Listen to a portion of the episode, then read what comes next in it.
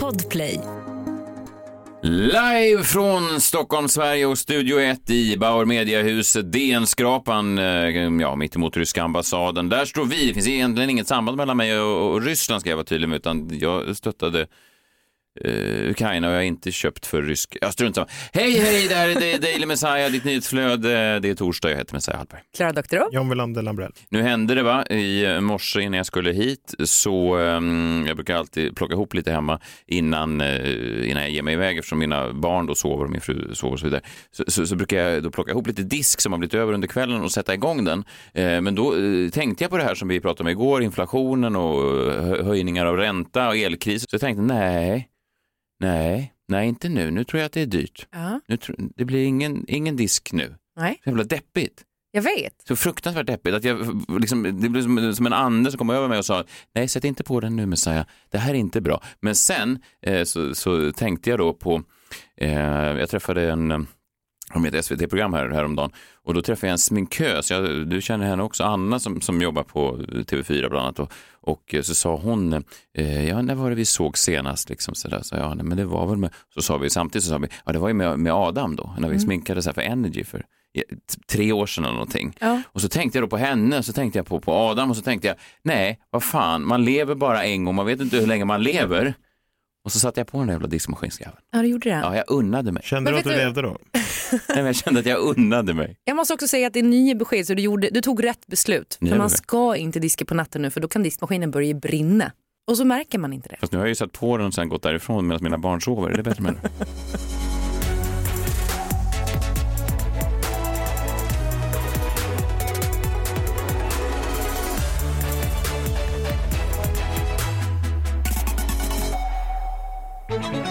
God morgon på er, eh, var i landet ni än befinner er. Eh, Jag ska återkomma till det att vi har ju lyssnare då. Ibland så tror man ju i någon slags poddvärld att det är en väldigt snäv krets, att det är liksom bara massa dryga mediestockholmare som lyssnar på oss. Eh, Men vi får då mejl från hela Sverige och det är väldigt kul. Folk som rättar oss ofta när vi har fel. Jag ska återkomma till det alldeles strax. Vi fick något mejl efter gårdagens diskussion om Bingo Rimér och eh, hans Pimps and Hoes-fest. Eh, Ett oförklarligt meddelande. Jag orkade inte ens svara på det för det var, det var inte sammanhängande. Det var en människa som uppenbarligen inte mådde särskilt bra och, och, och började prata om folk som kom till Sverige och inte hade någonting och, och som ägde bara madrasser och nästa gång hen skulle på maskerad. Bra att ni uppmuntrar sånt här. Då ska jag gå som en sån här eh, ensam kvinna som kommer till Sverige och bara har en madrass att sova på och inte har några pengar och utnyttjas. Det ska jag gå på maskerad som. Bra att ni tog upp det. Va? För, va? jag förstod inte om hon, om hon antingen försökte med någon satir och säga att vi på något sätt har uppmuntrat folk till att gå som prostituerade på fester. Eller att hon tyckte att vi faktiskt hade gett henne inspiration. Skulle vara en maskerad till helgen. Hon tänkte, åh vad skönt, jag tänkte gå som poliskonstapel. Men nu ska jag gå som madrassflykting. Ja, jag vet inte, så mycket konstiga Då människor. borde ju Bingo och Katrin få den, alltså det var väl de som ändå inspirerade, Ja. Snar, knappast vi. Inte vi behöver inte credden, nej. Nej. Nej, och jag menar, det var väl ganska tydligt tror jag för alla som eh, kan sätta ihop två meningar att, att det var ingen här som sa att man skulle gå på en fest som prostituerad. Jag menar, det jag vände mig mot var ibland folk som kanske poserar lite grann på sociala medier. Såklart att det är sinnessjukt att klä ut sina barn till prostituerade och ha dem på fest och lägga, såklart att det är men det behöver man väl inte säga, man behöver inte, man behöver inte vara så jävla övertydlig hela tiden. Det här samhället är liksom en övertydlighetens mode nu, att man måste vara så här, man måste bokstavera ut allting för annars är det alltid någon som sitter där, menar de nu, nej! Men jag måste också bara flika in att jag vet fortfarande inte vad det betyder att klä ut sig till prostituerad. Bara, Nej, bara for the record. Nej. Men okej, vi kan säga så här. Såg ni bilderna från den festen också? Det har vi inte ens pratat om. Mm. Men där eh, porrstjärnan, Puma Swede, slickar en annan kvinna i ruven. Mm. Jag har eh, jobbat med Puma Swede. Eh, jag har varit med en roast på Frank Andersson. Han fyllde 60 då, Puma Swede satt i, och sen var vi på efterfest och så vidare. Och varje gång jag ser Puma Swede dyka upp på sociala medier, vi är vänner på eh, Insta och sådär, vi pratar lite ibland. Jag kände som att vår relation var så extremt platonisk. Och som att hon verkligen inte alls kände sig vänskaplig med mig. För, för att hon, om hon slickar folk i rumpan som precis har träffat, alltså som en glad hund. Och mig så tar hon i hand som att jag är en gammal farbror. Jag, jag menar inte att hon ska slicka mig i rumpan, men jag menar bara att det känns som, det är så otroligt platonisk vänskap. Jag har aldrig känt mig längre Men ifrån. du, börjar låta som en incel. Nej, jag säger inte, jag menar bara att om det är så här hon hälsar på folk. Det är som om man skulle ha en hund som går och slickar alla i rumpan. Varför och sen, vill hon inte slicka dig i Nej, det är inte det. rumpan? Jag, jag säger att jag också är en hund. Jag var på hennes bokrelease. Ja, berätta inte, berätta inte hur det slutade. För, Du vet Ja, inte, det var det. Du vet vill inte hur prostituerade klär dig. Och om du, om du, om du har hört talas om porrstjärnor, då läser Jag du vill, ha deras ett, böcker. jag vill ha ett exempel. Det enda exempel Klara har gett är att det är röda kläder. På tal om strama. Menar du den erotiska filmstjärnan? Ja, jag tror jag läste hennes bok. Ingenting annat. Eh, några andra som ljuger friskt, eh, det är Peter Dalle som är klar för att regissera den nya Sune-filmen. Han sa eh, till eh, Kvällspressen i en kommentar. Jag ser fram emot att göra en bred humorserie för alla åldrar. Familjen Andersson har gett mig den möjligheten, säger Peter Dalle. Ja, han har ju såklart inte drömt om att göra en bred humorserie för alla åldrar. Det är ingen som gör. Någonsin. Men. Går det att göra en bred humorserie för alla åldrar? Ja, såklart det gör, men det blir ju skit. Okej. Ja. Det, är- det är omskrivning. En humorserie för barn som vuxna också kommer att titta på. Ja, eller en serie som TV4 kan tänkas plocka upp. Ja, för barn. Som vuxna också ska kolla på. Ja, men vad fan, jag, jag ska inte, jag har varit med i sådana serier själv. Jag menar inte att det är något fel, men jag menar bara... Nej, nej, jag menar Nej. inte heller att det är något fel. Jag bara menar att när man, säger, när man vet, när TV4 säger det här är bred eh, humorunderhållning för hela familjen så vet man att det är för barn. Du har, ju- du har ju väldigt snäv begrepp av barn. Nej, eh, ja, Ja. det vill jag hävda. Väldigt snävt begrepp. Ja, precis. Du menar ju Noll barn. till typ tio år. Ja. Ja, vad tittar du på som ett intellektuellt? Puma Svids bokrelease? Nej, jag kollade väl på, på, vad menar du när jag var barn eller nu? Nu? Ja, jag kollar inte på barnfilm nu. Du tittar Förutom Piff och Puff-filmen som jag Du recenserade. tittar ju på sån här tecknad film som du skickar klipp till mig. De här Family Man och vad de heter. Family Guy. Det är inte barn. Det är Det är- inte för barn. Jo, det är Nej. tecknat. Så allt tecknat är för barn? Du säger ju det. Jag har aldrig sagt det. Det här, jag lägger inte ord i min mun. Här. Hörru du, du. försök Men förlåt, inte. sitter du och skickar klipp från Family Guy till folk? Jag har inte skickat ett enda klipp från Family Guy till Messiah, eller till någon någonsin. Visa gärna det. Ja, du skickar även en sån här snobben-stripp. Han är så fånig den där hunden, skrev du. Det gäller att hålla koll på när Messiah ljuger. Han låter väldigt så, han låter eh, Ja, nästan som att det är ärlig. sant. Han låter Nästan ärlig, som att det är men han ljuger. Mm. Visa mig.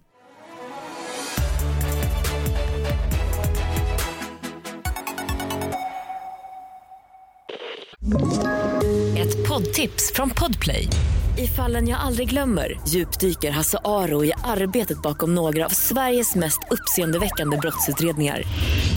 Går vi in med hemlig telefonavlyssning och, och då upplever vi att vi får en total förändring av hans beteende. Vad är det som händer nu? Vem är det som läcker? Och så säger han att jag är kriminell, jag har varit kriminell i hela mitt liv men att mörda ett barn, där går min gräns. Nya säsongen av Fallen jag aldrig glömmer på Podplay.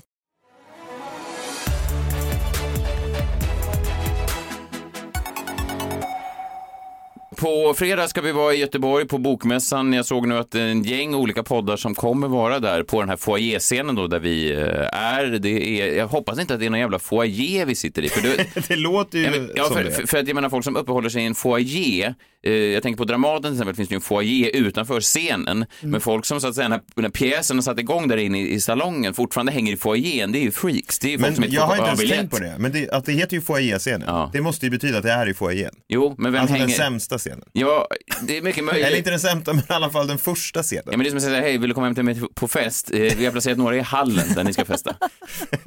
Ja, du är bordsplacerad i hallen. Ja, i farstun. Farstuscenen. Ja, men det är kul i alla fall. 2030, jag tror att biljetten är slut.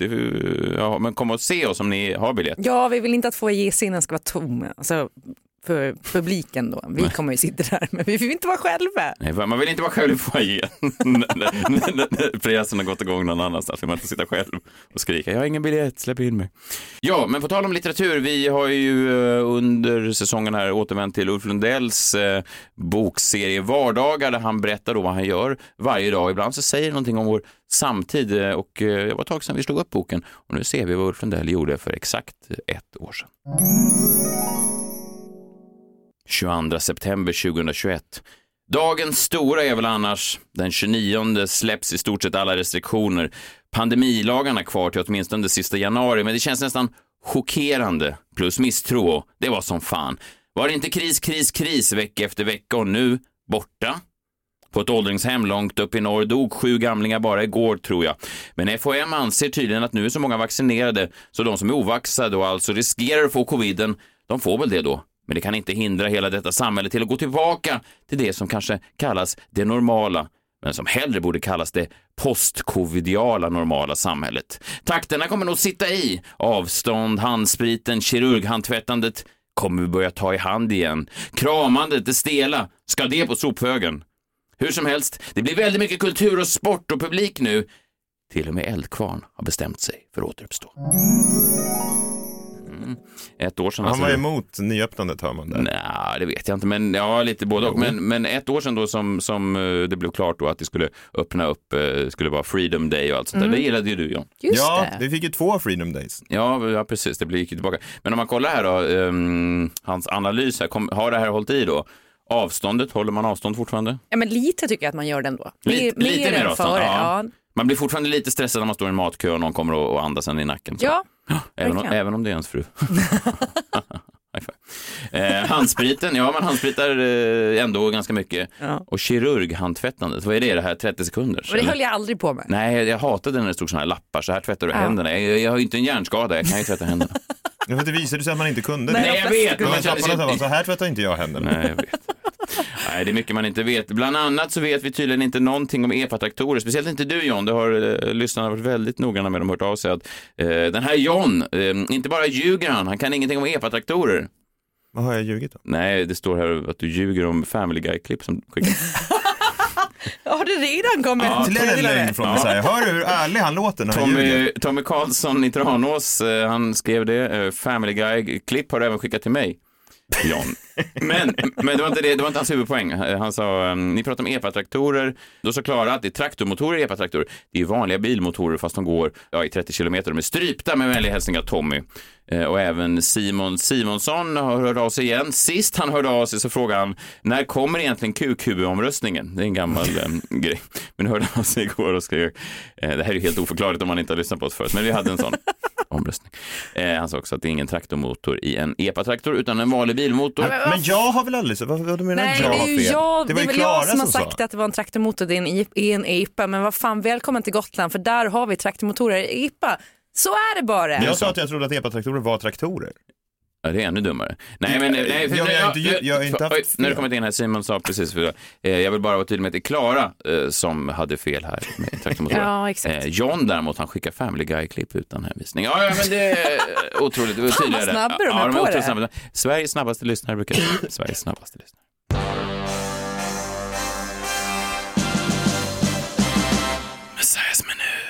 Nu John är det dags att vakna. Nu blir det någonting som du gillar. Nu blir det Dunka Dunka och DJ. Är du vaken? Hallå? Jag somnade. Ja, han somnade. Varför det? Jag tror det. Nu blir det Dunka Dunka och DJ. Ja. Det är knappt en korrekt mening tror jag. Nu blir det rök och heta rytmer. Ja, okej. Ja, vaknar du till? Nu blir det shots. Vad är det som på... Jaha, kommer det någonting eller? Tänkte att du skulle försöka se lite Ja, men jag är- look ja, alive. Kul. det gimme, Ja. gimme, gimme a man after midnight. Ja, precis. Eh, jo, jag tänkte följa upp en grej som du hade tagit upp här eh, tidigare under säsongen. Du hade då uppmärksammat den här trenden, de här larmrapporterna som har kommit in, att det kommer larm från nattklubbar. Unga kan nu inte bete sig. Alltså folk som då eh, blev 18 under pandemin eh, kom ut på nattklubbarna i Sverige, inte minst i småstäderna. Och eh, ja, larmrapporter kom in då att de här visste inte hur man skulle bete sig. Och nu har då Nya Värmlandstidningen gjort ett uppförande reportage där de har gjort en guide då till, ja, jag antar Värmlands ungdomar, hur man ska bete sig, liksom en, en checklista. Och det här är ju bra, för du har ju varit på klubb och då kan ju du också säga om du har några extra tips, kanske. Men du skulle ju även bli du har varit på klubb. Och, du? och Klara. Ja, men du skulle ju bli vår klubbfarfar. Som guidar nya unga in på nattklubben. Just det, att du skulle ha en sån skylt utanför där det står. Men jag tror inte att det bara gäller ungdomar. Det, det här var ett, folk i småstäder tyckte att det var för mycket intryck på nattklubbar. Det gäller ju alla åldrar. Ja, men, men framförallt var larmet då med ungdomar som inte visste riktigt reglerna. Eh, och jag hoppas nu att det här eh, blir en stark minut, för jag har tydligen betalt 299 kronor för att ha nya Värmlandstidningen en månad. Och eh, Grejen är att du kommer, du kommer glömma också att säga upp Jag det vet. där, så den kommer ticka på i all jag evighet. vet, jag vet. 300 spänn i månaden. Ja, men Det är sånt förstår. där som håller de här lokaltidningen på fötterna. En artikel. Man vill bara läsa en artikel Ja. i sitt liv och sen så är man prenumerant for life. Det är som eh, Tom Cruise och scientologerna. Eller hur? Man tar ett sånt här blad en gång och sen 30 år senare hoppar man i soffor och tillber konstiga gudar. Ja, ja, det började i alla fall med en artikel på eh, övre däck. Eh, ett nytt fenomen har upptäckts av krögare runt om i landet. De unga vet inte hur man gör på nattklubb. De vet inte hur man beter sig, berättar krögare och vittnar om kissande ungdomar i städskrubbar. Så att folk i Värmland nu när de Men kommer det, är, det, vi ska ju vara tydliga, det, må, det är också bara i Värmland det här sker. Nya Värmlandstidningen. Det, är det står ju inte DN liksom. Men du tror inte att de går in på Café Opera 18-åringar och kissar i städskrubban? Nej, det gör de ju såklart inte. Ja, kanske inte. Ja. Nej, kanske. Ja, jag hade en fest en gång när de bajsade i min städsgrupp. Du ser, Ja, det hände ju. du ser, folk som är förvirrade, de Ja, vet på inte. Gotland ja. Jag tror att det här sker även där du spelar. När du står och DJar. Du vet ju inte vad som sker i, i skrubbarna när du står och Nej, det kan ju ha DJar. kommit, de kan, en Ja. värmlänning kan ju ha lyckats smyga in där på något sätt. Värmland. Ja. Snabbkurs för nybörjare. Nummer ett. Regel hur man beter sig på klubb. Man måste följa reglerna. Ja, det är ju lite... Ja, övertydlighet. Ja, lite tautologi va. Klassiska punkter eh, som de tipsar om är ett. Du kommer inte in om du är för berusad. Två. Du åker ut om du blir för berusad. Det är... Ja, men det är sånt här som... Jag kan tänka mig att det snurrar i en 18-årings huvud. Man förstår inte. För berusad, inte för berusad. Man kommer inte in om man är för berusad, men åker ut om man är för berusad. Ja, det är väl inte jättesvårt. Ja. Nej, inte jättesvårt, men det är lite sådär. Det gäller att hänga med. Snabba puckar. Okej, och sen har då Malin Lundberg här. Hon är driftchef på Nöjesfabriken, en av de bästa ställena i eh, Karlstad och kissa i skrubbar på. Eh, Hon har då svarat på nybörjarfrågor eh, direkt för Nya Värmlandstidningen. Ja, och jag tänker här att jag är kanske i karaktär då som en, jag läser frågorna som en värmländsk 18-åring för att det ska bli realistiskt. Okej? Ja. Vi får se hur du lyckas med det här. Ja, ja, precis. Jag är inte jättebra på dialekter, men jag vet inte, hur låter det med Värmland? De pratar ju Fors, Forshaga. Solen skiner alltid i Karlshamn. Så. De pratar ju så. De pratar så. Jo. Okej. Får man ta med egen alkohol in då? Absolut inte. Ingen alkohol får man ta med sig eh, in. Det, är en, eh, ändå en, det börjar med så här klassiska frågor ändå. Får man ta med sig egen alkohol? Det låter ju som att man borde förstå att man inte får ta med sig egen alkohol så generellt sett. Men det, det frågar man. Finns det någon klädkod där inne? Hel och ren eh, brukar de säga. Inga mjukisbrallor hos oss. Nej, det är ändå... Det är ju trendigt nu. Ja, jag vet, men inga hel och ren. Det, hel och ren är också, det är också vad, vad man säger på en klubb som släpper in i stort sett vem fan som helst. Ja, Alltså hel och ren, det är i stort sett, ha inte pungkulorna framme så kommer du in. nej precis. Vad betyder det i Värmland? Ja, man har duschat någon gång kanske. Det är mycket småstadsfrågor. Det här gäller även i Stockholm vill jag vara tydlig med. Det är, eh, mm. Måste man hänga in i garderoberna? Ja, man måste hänga in ytterkläder, de får man inte ha med sig i, in i lokalen. Stora väskor, exempelvis bag, får man heller inte ha med. Sportbag då? De, de, ska jag lägga min bag nu då? Värmlandstidningen vet att bag betyder väska. Det var bara, de tog bara ett engelskt ord för det. Men vad har ni tänkt jag ska lägga den här stora bagen då som jag... Vad ska, ni, jag ska Kan du förvara läsa den mina, där meningen igen? vad ska jag förvara mina hockeyklubbor när jag hinner dansa? Men läs den där meningen igen. Fråga. Ja, man måste hänga in ytterkläder, de får man ta med sig in i lokalen. Stora väskor, exempelvis bag, får man heller inte ha med. Okej, s- s- stora väskor, exempelvis väskor, får man inte ha med. Ja. Exempelvis bag. Vad händer om man sen tappar bort sin garderob? Ja, då får man vänta kvar sist i kön. Eh, vill man inte vänta får man komma tillbaka dagen efter. Det är absolut förbjudet att fota av lappen och visa upp. För vi vet inte om det verkligen är du som ska hämta ut. Ja, men det är väl rimligt ändå. Måste man ha med sig legitimation? Ja, det måste man. Man ska ha med sig den hela kvällen. Det kan vara så att någon personal ber dig visa legitimation inne i lokalen och då ska man kunna visa det. Det har aldrig hänt mig att jag blivit lägga inne i lokalen. Men i Värmland Nej. så eh, kanske man är 18 år och är på gång. Mm. När ska man komma? Hur länge måste man stå i kö? Det är väl också svävande, tänker Ja, jag. verkligen. Alltså, Men också, det, Men är, det är det, är det här på riktigt? Alltså, man får det räkna här med är ju en riktig artikel. Ja, man får räkna med att stå i kö. Hur länge är olika för olika kvällar? Ja. tack då. När kan man bli utslängd nu då? Det blir bara sämre och sämre. Om man till exempel blir för full, har somnat någonstans, Gud, jag checkar alla de här känner jag. betett sig illa mot personal, muckat bråk, varit otrevlig, ställt till problem på något sätt, gjort skadegörelse eller kissat, då kallas även polisen in. Gjort alla! Ja, det kan jag tänka mig samma kväll också. Ja. Får vem som helst i personalen slänga ut den? Nej, det är bara vakterna som får göra det, men personalen kommer kalla på dem. Får vem som helst slänga ut. Det är som att hur de här ungdomarna ser på det som en sån här Det krigsfält. är ju inte ungdomar, det är ju alla åldrar. Nej, Men okej. det är ju ungdomar. Ja. Okej, har två sista frågor och här, börjar, här förstår man ju att ungdomarna i Värmland kanske är lite speciella. De kanske skiljer sig från resten av landet. Får man beställa hur ofta, hur mycket man vill? Ja, det är såklart man får beställa eh, hur ofta man vill. Eller, va? Vad menar du? Att man får beställa en gång per... Så här, vi vill inte ha för mycket pengar i den här baren. Inga mer pengar nu. Får man det? Beställa flera gånger? Får man kö- handla flera gånger på ICA? Ja, det får man. Eh, Men bartender bestämmer om du är för full, då får du inte köpa. Och så sista frågan då. Okej, men vad gör man med glaset när man druckit upp då? Då krossar man det mot huvudet som alla andra i Värmland och så tackar man för sig och kissar i garderoben och så går man hem. Där har ni det! blir man utslängd. Var det värt 299 kronor? Det vet jag inte. Men nu är i alla fall fast i Nya Värmlandstidningen för evigt.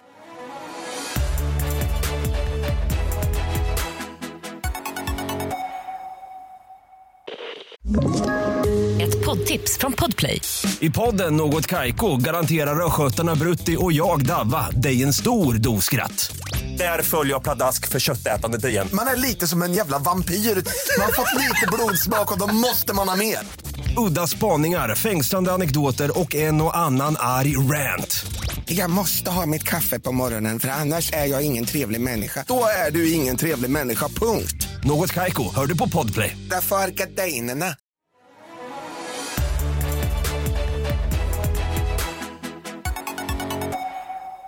Det är torsdag och jag är mycket spänd på eh, dagens krimmorgon. Jag är alltid spänd på det, men det är spännande när det händer grejer i fall som man länge har eh, följt.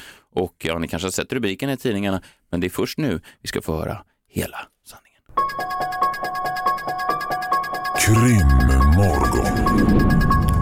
Hela sanningen och ingenting annat. John Wilander Lambrell, kriminalförfattare, poddare, Palmespanare, Family Guy-fan, Nattklubs DJ. Ja, strunt samma. Du ska prata om ett fall idag. Ja, nästan alla rätt. Spännande det här. Nästan alla rätt. Ja. Nej, men vi ska prata om ett superaktuellt fall från 1999 där det har hänt eh, ja, men en jättegrej då den här veckan. Men jag tänkte att vi innan det skulle börja lite grann med talmannens fika. Har ni hållit koll på det? Det här Ja. älskar ju svenska medier då, vad talmannen bjuder partiledarna på för fika. Den här gången så bjöd han ju på tomater. Och Aftonbladet då skulle recensera de här tomaterna och man skickade faktiskt sin kriminalreporter Oisin Kantvel, vi kan väl lyssna hur det lät. Jag har sin förra talmansrundorna då var det fika, olika sorters småkakor. I år är det tomater. Och vi har fått äran att testa de här tomaterna. Vad, vad tror du vi har framför oss? Ja, alltså det är en bra fråga.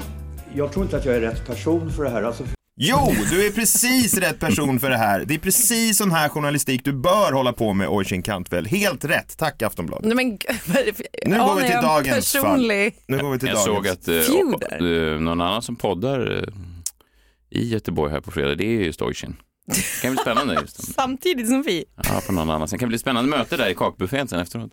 Jag gömmer mig i städskrubben.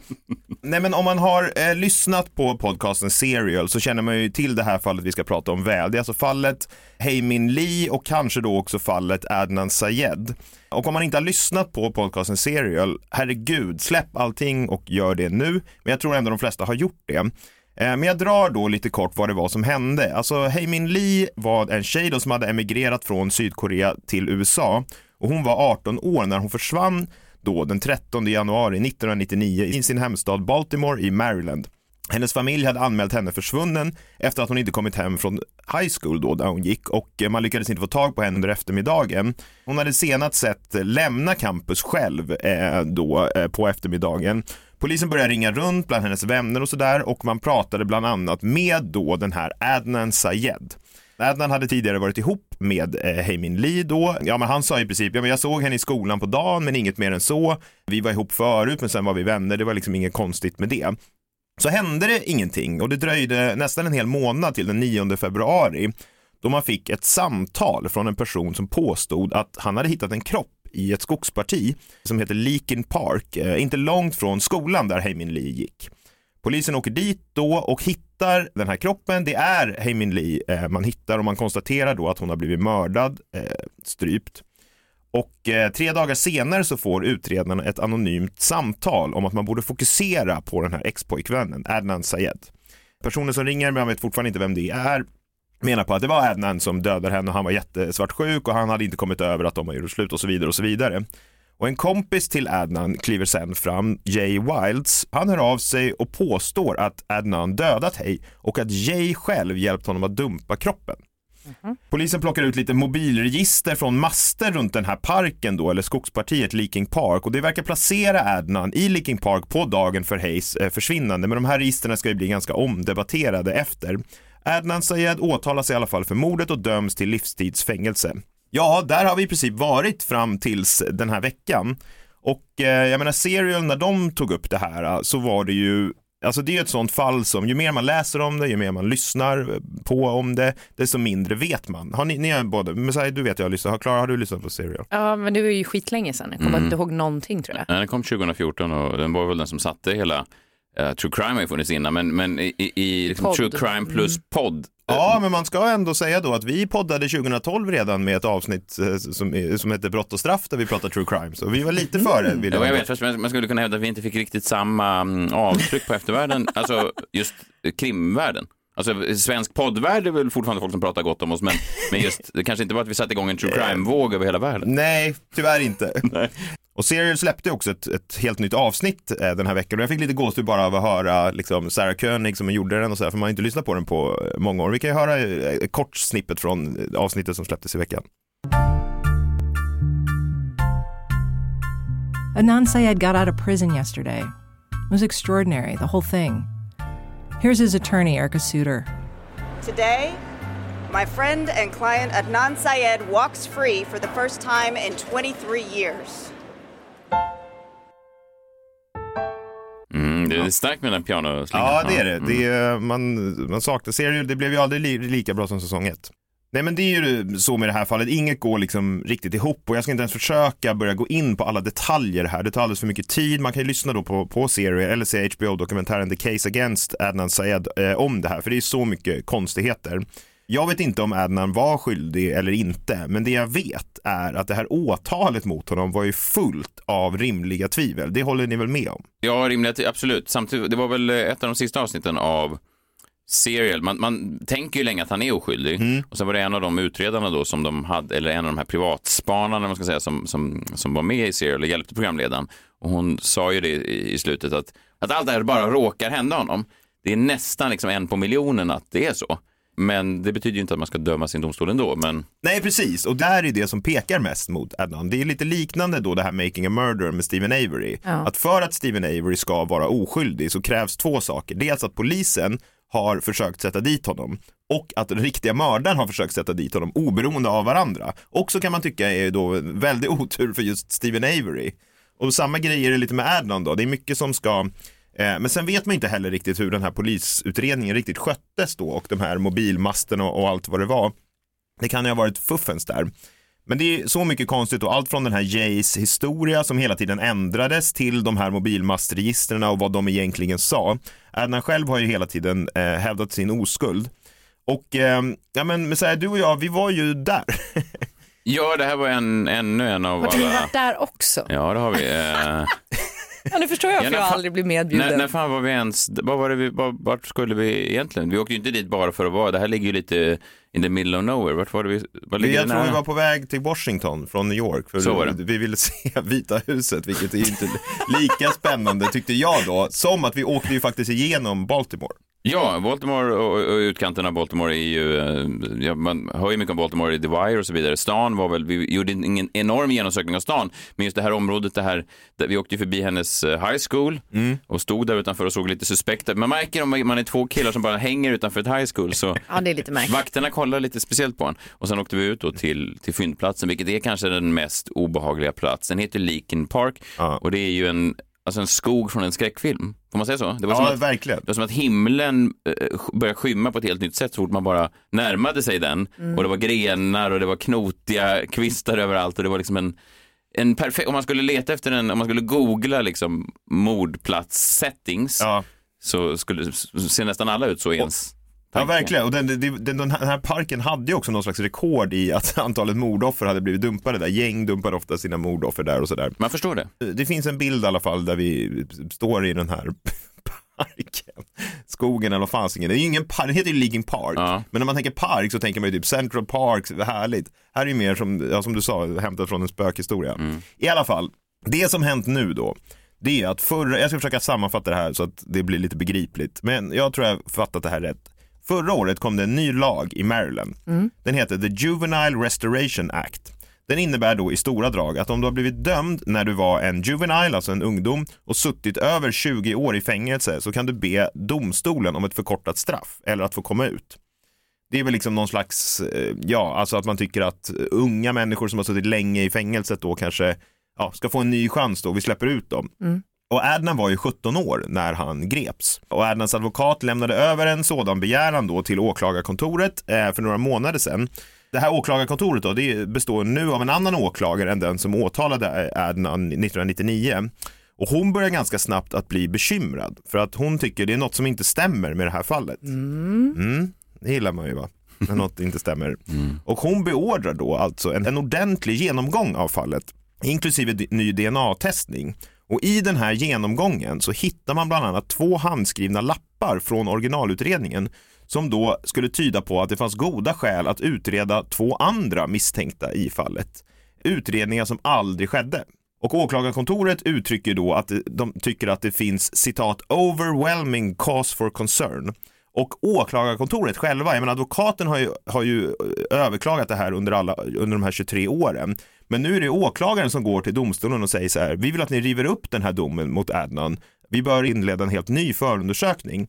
Det var förra veckan och sen gick det snabbt då. I måndags så släpptes Adnan ut ur fängelset med så kallad home detention. Han måste sitta hemma då med fotboja. Efter 23 år i fängelset medan man då ska fortsätta utreda om man ska väcka nytt åtal mot honom. Så det är liksom det som har hänt och jag menar det kommer inte bli något nytt åtal mot Adnan. Jag menar, det finns ju inga Nej. bevis, det finns ingen teknisk bevisning, det finns de här konstiga mobilregistren och den här konstiga Jays historia. Att det ens blev ett åtal från första början är ju liksom ett jävla skämt. Och man undrar ju vad det är som pågår med alla de här domarna vi pratar om varje vecka. Ehm, jag menar, jag brukar väl inte liksom, uttala mig så ofta om hur ett bra rättssystem bör vara utformat. Ingen har riktigt frågat mig heller. Nej, nej, det har de ju inte. Nej, det har de inte. Eh, och jag tycker väl att systemet, eh, liksom, med att, som det är, med att man kan döma någon bara om det är ställt bortom varje rimligt tvivel att personen är skyldig, är bra. Problemet är ju att det här systemet inte följs. Och jag undrar om det är för att det är vanligt folk som dömer. Samma Alltså- människor som går på nattklubbarna i Karlstad. Ja men det är exakt, de kommer ju, kommer ju från nöjesfabriken i Karlstad rakt in i liksom jurystolen. Och jag menar i USA så är det ju 12 jurymedlemmar som man ju inte vet så mycket om, liksom. de kanske inte förstår någonting. Det verkar ju oftast inte så. Och så här är det ju i Sverige också, alltså i den tingsrätt som dömde Christer Pettersson för Palmemordet så var det ju tre nämndemän och två utbildade jurister. De här juristerna, de ville fria Pettersson och nämndemännen valde att döma. Så kanske är det dags att liksom se över det här systemet med vanligt folk. Jag menar, de ligger ju bakom så mycket annat skit, vad ska de in där och göra? I alla fall, Adnan har blivit en i raden dömda som suttit inne nästan hela sina liv på ytterst tveksam bevisning då. Och det man nu hoppas på det är ju att vi får en ordentlig utredning av mordet på Heimin Lee, äntligen. Heimin Lee, den liksom bortglömda Heimin Lee, mordoffret. Och det är väl ändå på tiden. Ja, eh, mycket spännande och eh, jag vet inte om man ska rekommendera turistmål, men då kan man ju kanske hålla sig borta från Leakin Park. Det är verkligen en av de mörkaste platser man har varit på. Om man inte då har eh, ett intresse av fallet. Då kan det vara Ja, jag skulle ju säga tvärtom. Men Jo, för att du skulle inte ta med en tjej på, på en sån här första typ semester. skulle Jo, det skulle jag. skulle, det det skulle skulle. jag Ja. skulle göra. Frågan är om hon skulle vilja följa med. Nej, jag vet. Jag ska, vi ska bara gå in här i träsket. Du kommer ihåg att vi bråkade tidigare? Ja, Nu vill jag eh, be om ursäkt i träsket. Det låter ju härligt, Leakin Park. Det låter fint. Ja, vi sängar bilder bara. Innan. Nej. Nej. Vi är tillbaka imorgon, då är det fredag. Hoppas ni är med oss då. Ta hand om er själva och varandra. Hej, hej. Hej! Hej!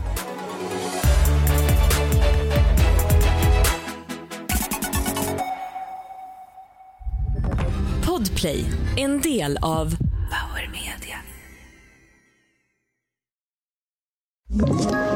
Ett poddtips från Podplay.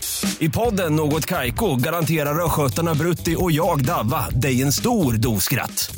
Där följer jag pladask för köttätandet igen. Man är lite som en jävla vampyr. Man har fått lite blodsmak och då måste man ha mer. Udda spaningar, fängslande anekdoter och en och annan arg rant.